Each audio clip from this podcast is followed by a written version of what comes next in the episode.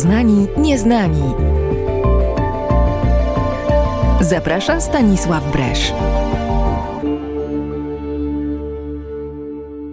Dzień dobry. Zwykle o tej godzinie pojawiała się audycja Między nami mówiąc, ale wakacje pałeczkę przyjmują. Poznani Nieznani. O tym, czym są Poznani Nieznani, na czym opierać ten projekt opowiemy za chwilę, ale najpierw się przedstawimy. Monika Czajka. Katarzyna Witczak. Klaudia Wicińska. I Stasiu Bresz. No więc y, możemy zacząć wprowadzać temat poznanych nieznanych. Jesteśmy grupą wolontariuszy, który, którzy wybierają się na grecką wyspę Lesbos, by tam pomagać uchodźcom w obozie Moria. E, Jesteśmy grupą osób tak naprawdę z całej Polski, których połączył projekt inicjowany przez Caritas Polska. E, No i tak jak sama nazwa wskazuje, poznani nieznani, my poznajemy się, by działać razem w jednym projekcie, ale przede wszystkim chcemy poznać tych, którzy są dla nas i dla wielu mieszkańców Polski, ale myślimy, że też Europy, nieznani, bo uważamy, że sprawa uchodźców jest bardzo ważna i tak jak w mediach oni są przedstawiani jako po prostu numerki e, i gdzieś tam te ich problemy można powiedzieć, że nas nie dotyczą. Tak, my chcemy troszeczkę bardziej ich poznać, bo uważamy, że e, warto zauważyć tego człowieka w człowieku po prostu i, i zainteresować się i jakoś im pomóc. Tak, dokładnie jak Monika powiedziała, często em, obraz uchodźcy to obraz człowieka, który jest terrorystą, który jest niechciany, który y, chce przedostać się do Europy tylko dlatego, żeby, nie wiem, czekać tylko na zasiłek, na to, by mieć lepsze życie, ale nic nie robiąc. Ale tak naprawdę to nie, to nieprawda, e, dlatego że ci ludzie mają, niosą za sobą prawdziwe historie, prawdziwe dramaty, który, któ- e, które nie są jeszcze poznane i właśnie przez ten nasz projekt, czyli Poznani Nieznani, chcemy poznać ich historię, chcemy poznać ich tragedię i powody, dlaczego tak naprawdę rzucili wszystko, by, e, by odnaleźć spokój, bo wielu tych ludzi naprawdę ucieka przed wojną, przed śmiercią, przed zagrożeniem. A my, żyjąc tutaj w Europie, w kraju, znaczy w, na kontynencie, gdzie teoretycznie mamy jak naprawdę wszystko zapewnione, mamy ten spokój, mamy dobrobyt, nie potrafimy zrozumieć właśnie drugiego człowieka lub nie chcemy go zobaczyć. I dlatego też chcemy em, właśnie ludziom, nam wszystkim też e, ten jakby obraz tych ludzi przybliżyć. Tak, chcemy właśnie poznać człowieka, uchodźcę jako jednostkę, a nie gdzieś tam e, skrytą pod nazwą uchodźcy. E, I też pokazać właśnie, że jak nazywamy się projekt Poznani Nieznani e, i to, co nieznane jest dla ludzi, e, ludzie się po prostu boją tego, co jest nieznane i też chcemy właśnie przekazać to, jak wygląda tam sytuacja tych osób i gdzieś tam szerzyć taką świadomość o ludziach, którzy dosłownie zostali po prostu wrzuceni do jednego wora. Ja też, ja też e, sobie myślę, że właśnie to, co powiedziałyście, że jak się patrzy na, powiedzmy, no właśnie na ten kryzys uchodźczy ym, i, się widzi tylko jakąś y, grupę ludzi, taką, nie, nie wiem, ileś tam set tysięcy osób, jak się patrzy tylko na te liczby i się widzi, nie wiem, jakiś szturm na granicy, no to rzeczywiście można się przerazić, ale wydaje mi się, że właśnie sensem jest to, żeby starać się z tego, z tego tłumu y, wyodrębnić pojedyncze osoby, pojedyncze historie, bo wiadomo, że, że właśnie za każdą, za każdą decyzją takiego opuszczenia swojego kraju, wyruszenia gdzieś tam właśnie do, do Europy albo no, no bo w, w sumie kryzys uchodźczy nie tylko dzieje się na powiedzmy na południu Europy, to też jest powiedzmy granica Stanów Zjednoczonych i Meksyku, jakieś tam miejsca w Azji, no to zawsze te, ta decyzja, żeby wyruszyć ze swojego domu, żeby wszystko rzucić, wiąże się naprawdę z jakimiś, e, z jakimiś dużymi wyrzeczeniami. Ja na przykład sobie nie wyobrażam, żebym miał jakoś teraz tutaj wszystko opuszczać, no, na przykład rodzinę, nie? I ten, i pojechać na, na drugi koniec świata. I też y, tak wydaje mi się, że no wiadomo, że w, w tej grupie osób zawsze znajdzie się ktoś, kto ma złe intencje, Ale chyba tak patrząc ogólnie, no to to jednak jest mniejszość, a nie, nie, nie tak, że tak jak często się przedstawia narracji jakiejś medialnej, że większość ludzi przyjeżdża do Europy, żeby tutaj ustanawiać nowy porządek.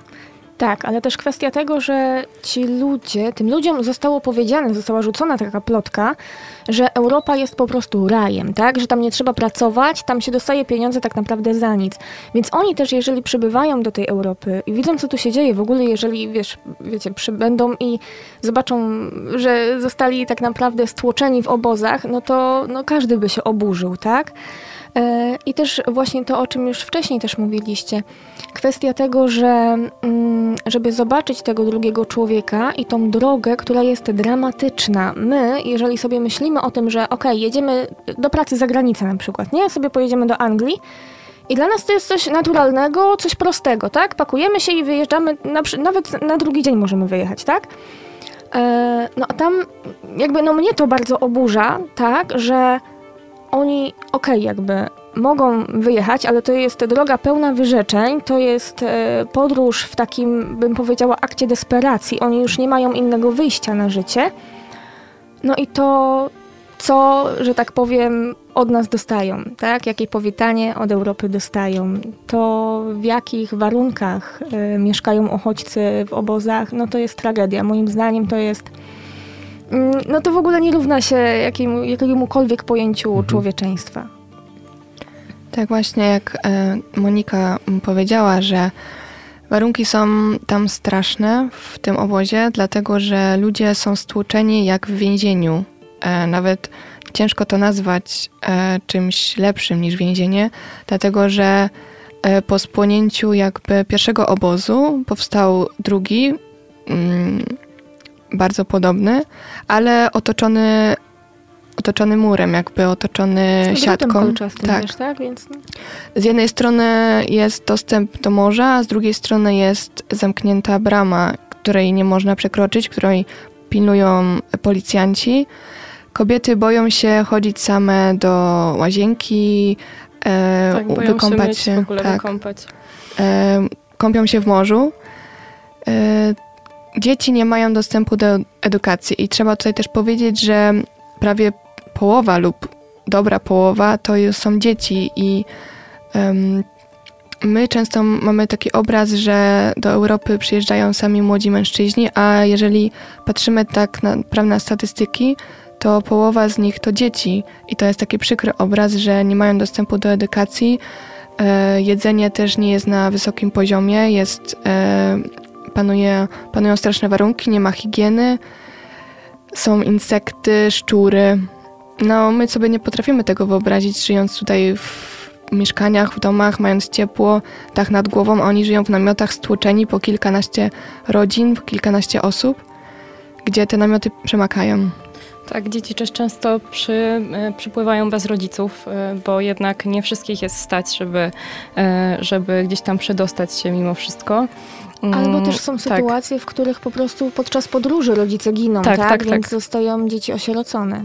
Może charakteryzujmy trochę to miejsce, no bo Lesbos to jest taka wyspa, która głównie się chyba kojarzy z wypoczynkiem jednak, a przynajmniej chyba tak mniej więcej do 2015 roku się kojarzyła głównie z wypoczynkiem.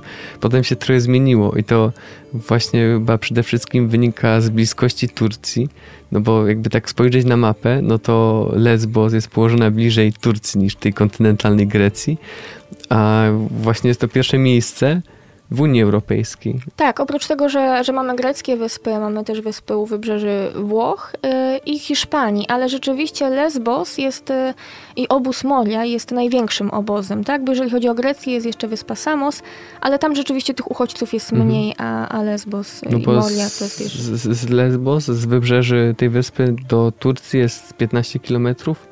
Nie jest tam duży kawałek, nie jest bardzo odległy, nie ma tam dużego dystansu do, do pokonania morzem, bo na przykład tak jak część ludzi właśnie próbuje się dostać gdzieś tam do Włoch albo, albo na Maltę, płynąc właśnie z Libii, no tam dystans jest jednak większy, a tutaj przez to, że jest tak w miarę łatwo, w miarę łatwo się przedostać, to właśnie chyba z tego wynika fakt, że, że właśnie, że, że na Lesbos jest ten największy obóz y, w Europie, y, dla uchodźców.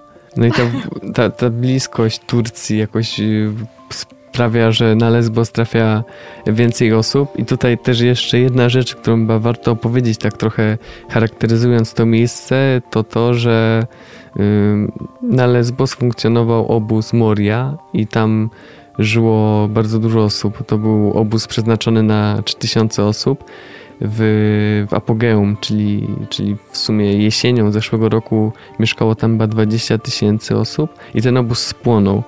I teraz y, wszystko, co tam się dzieje, jest taką trochę prowizorką. Nie do końca wiadomo, dodać, jak to będzie wyglądać w przyszłości. Tak, bo też oprócz tych zdjęć, które gdzieś tam. Znaczy tak, w ogóle media nam pokazują jedno i media najczęściej pokazują te sytuacje, które mamy w Europie, tak? Uchodźców, którzy już tutaj są i, i niekoniecznie dobrze się zachowują. E, jeżeli ktoś interesuje się tematem, to może sobie na przykład pośledzić na Instagramie różne konta i tam rzeczywiście już się pokazują e, takie zdjęcia bardziej autentyczne z obozu, gdzie widać rzeczywiście te białe namioty i też warunki tragiczne ale też z relacji osób, które y, były w obozie, które też mi opowiadały, jak tam jest, no to wiem, że oprócz tych białych namiotów są jeszcze y, tak zwane szałasy, które po prostu człowiek sam sobie z tego, co ma gdzieś tam obok siebie buduje, tak? I w takich warunkach gdzieś tam przebywa.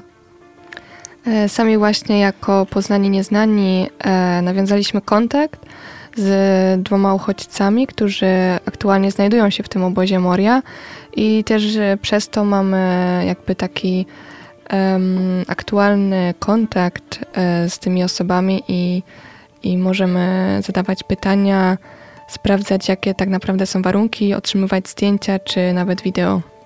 W sumie nie powiedzieliśmy jeszcze, na czym będzie się opierało nasze działanie jako poznanych nieznanych jako Poznani Nieznani będziemy przede wszystkim e, zajmować się dystrybucją żywności oraz e, opieką nad dziećmi i nauką języka angielskiego, ale też po przyjeździe chcemy dalej ciągnąć ten projekt e, właśnie jako Poznani Nieznani, właśnie budować tą świadomość tego, co tam, co tam się działo na miejscu, gdzieś tam wykorzystywać nasze, nasze historie, nasze doświadczenia, E, historię tych ludzi, które, które zdążyliśmy właśnie poznać przez nasz wyjazd.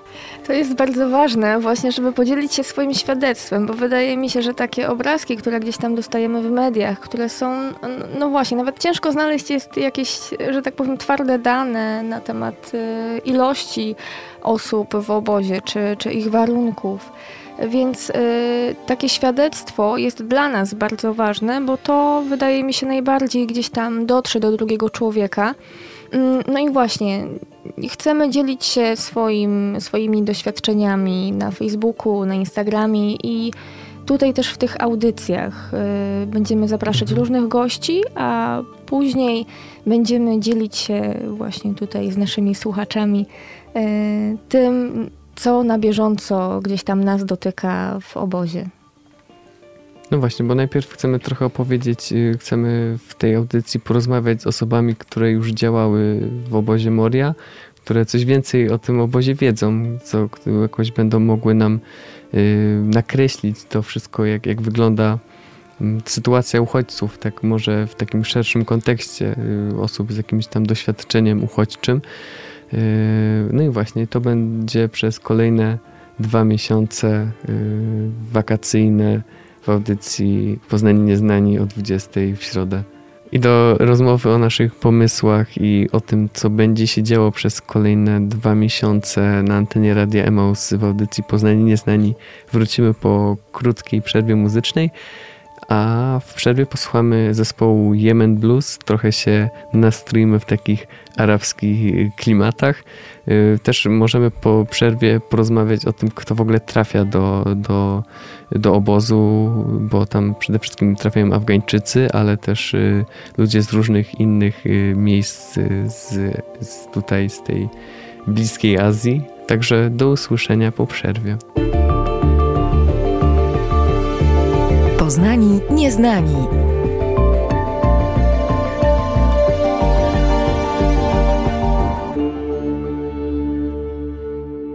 Wracamy do naszej rozmowy, audycja Poznani Nieznani i dzisiaj opowiadamy właśnie o tym projekcie, o tym, co będzie się działo przez następne dwa miesiące na antenie Radia Emaus, a w studiu Monika Czajka, Kasia Witczak, Klaudia Wicińska i Stasiu Bresz. I właśnie, i tak na początku pierwszej części trochę nakreśliliśmy, czym jest projekt Poznani Nieznani, ale nie do końca powiedzieliśmy, ile w ogóle osób w tym bierze udział, jakie są przygotowania yy, i w ogóle też jakie są nasze plany po tym, po tym wyjeździe, więc yy, generalnie w całym tym projekcie bierze udział 10 osób. Jesteśmy rozdzieleni na, na dwa wyjazdy. Jeden, jeden jest y, w lipcu, drugi tak. w sierpniu. Tutaj mamy właśnie też dwóch reprezenta dwie reprezentantki wyjazdu lipcowego i też jest reprezentacja silna wyjazdu sierpniowego. Oczywiście. Y, No właśnie, no ale przed tym wyjazdem też się trochę przygotowywaliśmy, żeby jakoś tak nie pojechać tam tacy kompletnie zieloni na, ten, na tą Lesbos. Tak jest, mieliśmy przygotowania takie merytoryczne, ale oprócz merytorycznych e, równie ważne przygotowania duchowe, prowadzone, jakby koordynowane przez Caritas Polska. E, I tutaj też wielkie ukłony dla Marty i brata Kordiana, którzy, którzy naprawdę, wydaje mi się, bardzo dobrze nas przygotowali. E, I to jest też cenne, bo wydaje mi się, że ważne jest, żeby nie spotkać się jak, no nie wiem jak jest na innych wyjazdach, ale ja e, na początku byłam lekko przerażona, że myślałam, że spotkamy się tak naprawdę na lotnisku w dniu wyjazdu, Mhm. tak, na ten wolontariat, a okazało się, że mamy naprawdę bardzo ciekawe i wydaje mi się bardzo owocne przygotowania, e, które też pozwoliły nam się poznać i też e, wydaje mi się powoli chyba zaprzyjaźniać, tak? Bo gdzieś tam, tak? Bo gdzieś tam, e, no mamy, mamy wspólny cel, tak? I, I zresztą ta audycja też e, pokazuje, że, że chcemy wspólnie działać właśnie dla dobra tego drugiego człowieka. E, w końcu gdzieś tam go Mhm. zauważyć.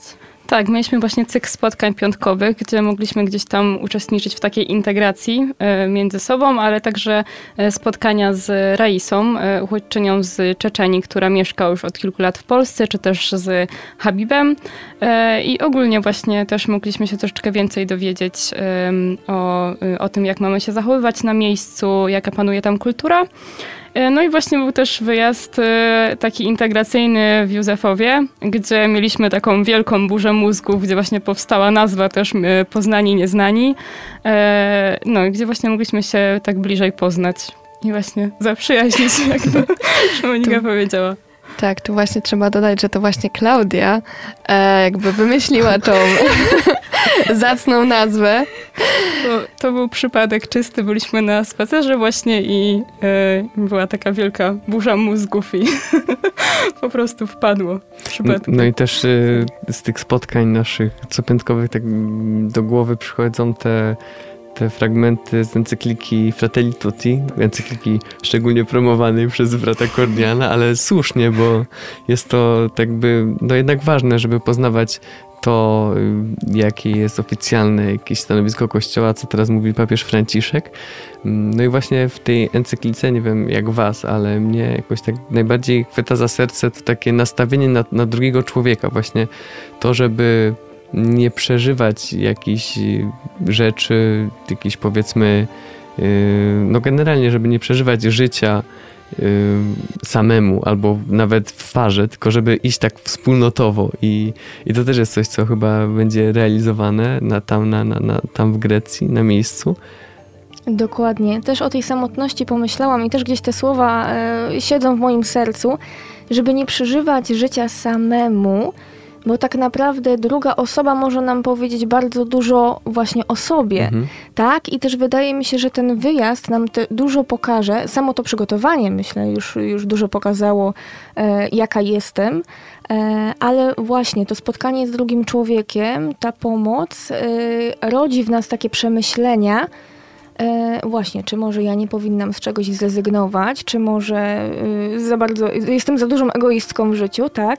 Czy przejmuję się losem drugiego człowieka, czy jest to dla mnie ważne, czy jest to dla mnie istotne, czy lepiej się odciąć i mieć spokój, tak? Więc to spotkanie drugiego człowieka, tak samo tutaj was, tak? Bo po, poznajemy nieznanych tutaj wśród, e, wśród wolontariuszy, ale właśnie też to, że y, poznamy tych Mhm. uchodźców, bardzo dużo wydaje mi się zmieni, zmieni w nas. A propos jeszcze tych przygotowań, to we mnie zrodziła się taka myśl, że um, nasza, znaczy Ziemia nie jest tylko nam dana, w sensie nasz, załóżmy, jesteśmy urodzeni w Polsce i tylko Polacy mają prawo mieszkać w tym kraju. Ja się z tym nie zgadzam i powstała mi taka myśl, że Ziemia nie należy do nas i należy się jest taka potrzeba, by się dzielić jakby tym, co mamy, więc też dzielić się naszym terytorium, bo nie wiemy nigdy, czy nas czy, czegoś złego nie spotka, czy my nie będziemy musieli uciekać. Zresztą nasza historia Polski jest bardzo długa i też skomplikowana. Też musieliśmy jakby uciekać, walczyć i z tej strony chciałam właśnie powiedzieć, że um, nie, nie, nikogo nie chcę zmusić do tego, by by zmienił to myślenie, by, by stał się bardziej otwarty na drugiego człowieka, ale może spróbujmy jakby skłonić się do refleksji nad tym, czy nie powinniśmy właśnie więcej dzielić się tym, tym, co mamy. I, no i tak właśnie teraz rozmawiamy o tych spotkaniach y, z drugim człowiekiem i no to wydaje mi się, że będzie takie ciężkie przeżycie, no bo tutaj żyjąc w Polsce raczej nie spotykamy na co dzień osób, które jakieś takie traumy przeżywają, yy, które są w ciężkiej sytuacji, bardzo takiej, takiej bardzo krytycznej, można powiedzieć, nie? że zupełnie muszą zmienić swoje życie, a tam będąc yy, raczej właśnie będziemy się spotykać przede wszystkim z takimi historiami ciężkimi i też nie wiem, jak to, jak to, jak, jak to, nie wiem, jak to przeżyć, jak to, yy, jak dalej powiedz funkcjonować. Chodzi mi o to, że powiedzmy będziemy, bo będziemy pracować gdzieś tam przy, przy dystrybucji jedzenia albo właśnie przy, przy nauce tam dzieci angielskiego. No i chodzi mi o to, że na przykład spotkamy jakąś tam osobę, ona nam opowie coś, co się zdarzyło w jej życiu. No i to będzie jedyny kontakt z nią, nie? Że, że potem ją, potem zostawimy ją i no i no i jakby, no nie wiem, no nie będziemy w stanie jej pomóc w żaden sposób, nie? To w sensie chodzi mi o to, że to, że tam pomożemy gdzieś tam przy tym rozdawaniu jedzenia albo czymś, no to to nie zmieni mocno sytuacji ani tej osoby, ani tym bardziej sytuacji na świecie. I tak się zastanawiam właśnie nad, nad sensem tego wszystkiego. Wiesz co, z tego co gdzieś tam ja też słyszałam od osób, które były w obozie dla uchodźców, e, ważne jest to, że nawet żeby ktoś o nich pomyślał. Nie? Samo to, że ludzie się zastanawiają, że w ogóle ktoś myśli o tym, że jest na świecie ktoś, kto cierpi i może warto by było mu pomóc, może warto by było go w jakiś sposób zauważyć. No, nie zbawimy świata, mhm. tak? Nie, nie, nie wiem, no nie, nie zburzymy tego obozu i nie wpuścimy wszystkich do Europy. No nie jesteśmy w stanie. Zresztą ten y, problem uchodźców, y, którzy znajdują się w obozach dla uchodźców, jest bardzo skomplikowany. Bo to nie tylko to, że tam są, że obozy są w ogóle przepełnione, tak? To są problemy natury politycznej, tak, społecznej. Tutaj trzeba też e, pamiętać o tym, że społeczeństwo różnie do tego podchodzi. To jest problem medialny, o którym już po powiedzieliśmy wcześniej, tak, że mamy nierzetelne informacje. Tak, że gdzieś bardzo tam... w ogóle ciężko dostać się do obozu i w ogóle jakiekolwiek informacje stamtąd wyciągnąć. E, także gdzieś tam my teraz opieramy się właśnie na Instagramie i na, e, na kontakcie z osobami, które tam są. Mhm. I faktycznie jest, jest duży problem z mediami. No może warto wspomnieć, tak. że my też nie będziemy mieli wstępu do obozu, że będziemy się tylko y tak, tak. poruszać gdzieś tam w okolicy i to też wygląda w ten sposób, że właśnie gdzieś tam powiedzmy w okolicy obozu dla uchodźców są jakieś restauracje, czy takie miejsca, gdzie osoby właśnie, które są w obozie mogą wyjść w ciągu tygodnia, się posilić, albo właśnie takie szkoły pokoju, gdzie dzieci mogą przyjść, bo dzieci nie mają zapewnionej edukacji. Tak, to jest taka jedyna rozrywka dla nich tak naprawdę. Tak i też nie znają angielskiego i to jest takie jedno miejsce, gdzie mogą poznać ten język, żeby potem w przyszłości mieć jakieś lepsze perspektywy. No i właśnie my też nie będziemy mieli wstępu do obozu i tylko będziemy gdzieś tam funkcjonować w takiej, nie wiem, takiej sat satelicie trochę tego miejsca, więc też nie, nie, nie poznamy tej, tej prawdy, prawdy tego jądra. Ale, ale będziemy bliżej i sądzę, że jakoś nam to pozwoli też przez ten kontakt, przez jakieś rozmowy trochę lepiej rozeznać ten tak, temat. i też właśnie y, dla nas na pewno tak psychicznie będziemy mieli większą motywację, bo teraz mówimy uchodźcy, a potem to już będą po prostu nasi znajomi.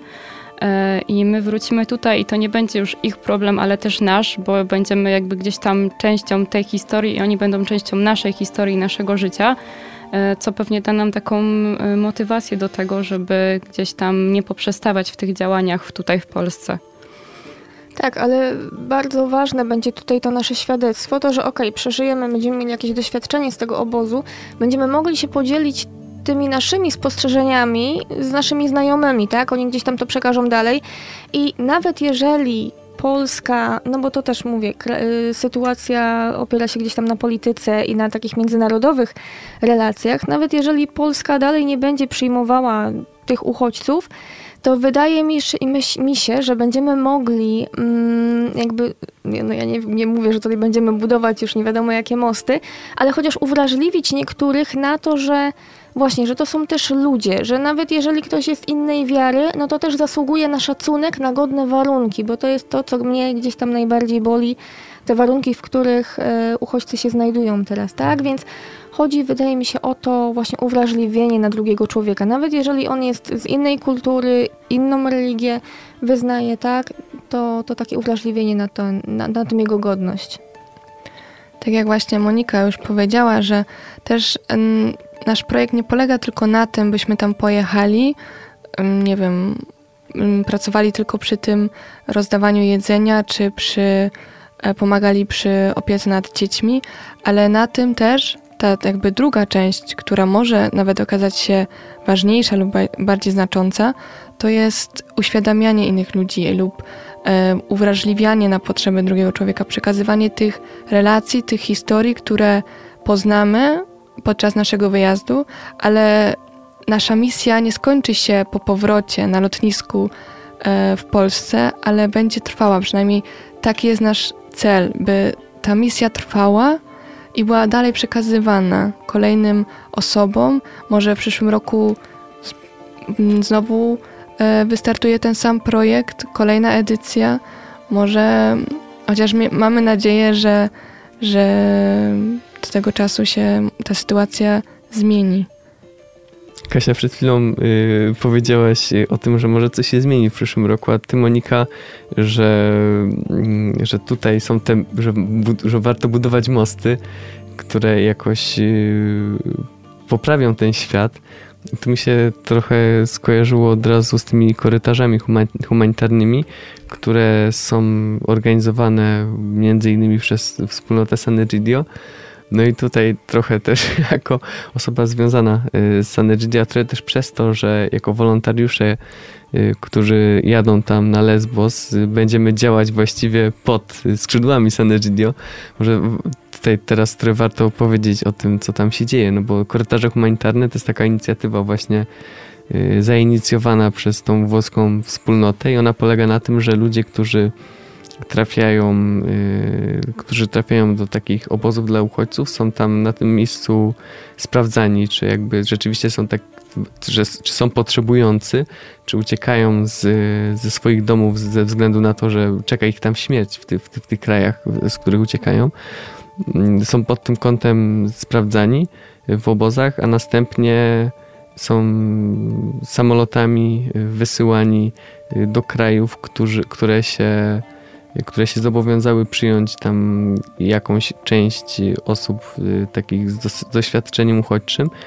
I też y, to co, to, co ważne, wydaje mi się w tym projekcie korytarzy humanitarnych, jest to, że, że pomoc y, tym ludziom nie kończy się w momencie tego, że trafiają do, do jakiegoś kraju, tylko ta pomoc tam dalej funkcjonuje. Chodzi mi o to, że oni tam trafiają pod pod skrzydła jakiejś, jakiejś wspólnoty. Nie jest tak, że gdzieś tam powstają getta, że, że ludzie są akumulowani w jednym miejscu i tam się potem dzieją złe rzeczy, tylko jakoś cały czas ta, ta opieka tam funkcjonuje. No i właśnie o tym Sanegidio, które tam będzie też działać. I, no i właśnie, bo jako poznani, nieznani też tam na miejscu właśnie trafimy, będziemy z innymi wolontariuszami, którzy też którzy też przyjadą na Lesbos i będą tam dzięki Sanegidio mogli w tych, w tych miejscach, o których wcześniej mówiliśmy, czyli tam przy dystrybucji jedzenia, w restauracjach, czy też y, w szkołach pokoju y, będziemy, będziemy tam pomagać przy nauce angielskiego. No i to już chyba na dzisiaj wszystko, ale może teraz trochę poreklamujemy. Przede wszystkim następną rozmowę, którą przeprowadziła Monika. Monika, może opowiesz trochę więcej o tym. E, Tak, za tydzień usłyszymy głos e, biskupa Krzysztofa Zadarko, który jest przewodniczącym Rady e, Episkopatu Polski do spraw migracji, turystyki i pielgrzymek, więc był kilka razy w obozie, zna sytuację i naprawdę bardzo dużo ciekawych informacji nam przekaże. I też y, zapraszam na nasze media społecznościowe. na Instagram Poznani Nieznani oraz Facebooka również Poznani Nieznani, e, gdzie właśnie będziecie mogli dalej śledzić nasze poczynania, poczynania i tutaj w Polsce i oczywiście na wyjeździe. Oraz poznać resztę naszych wspaniałych wolontariuszy, naszego wspaniałego teamu. Tam są również przedstawione nasze historie, nasze cele, jakie nam przyświecają, przyświecają przy tym e, projekcie i dalsze informacje. Poznani nieznani.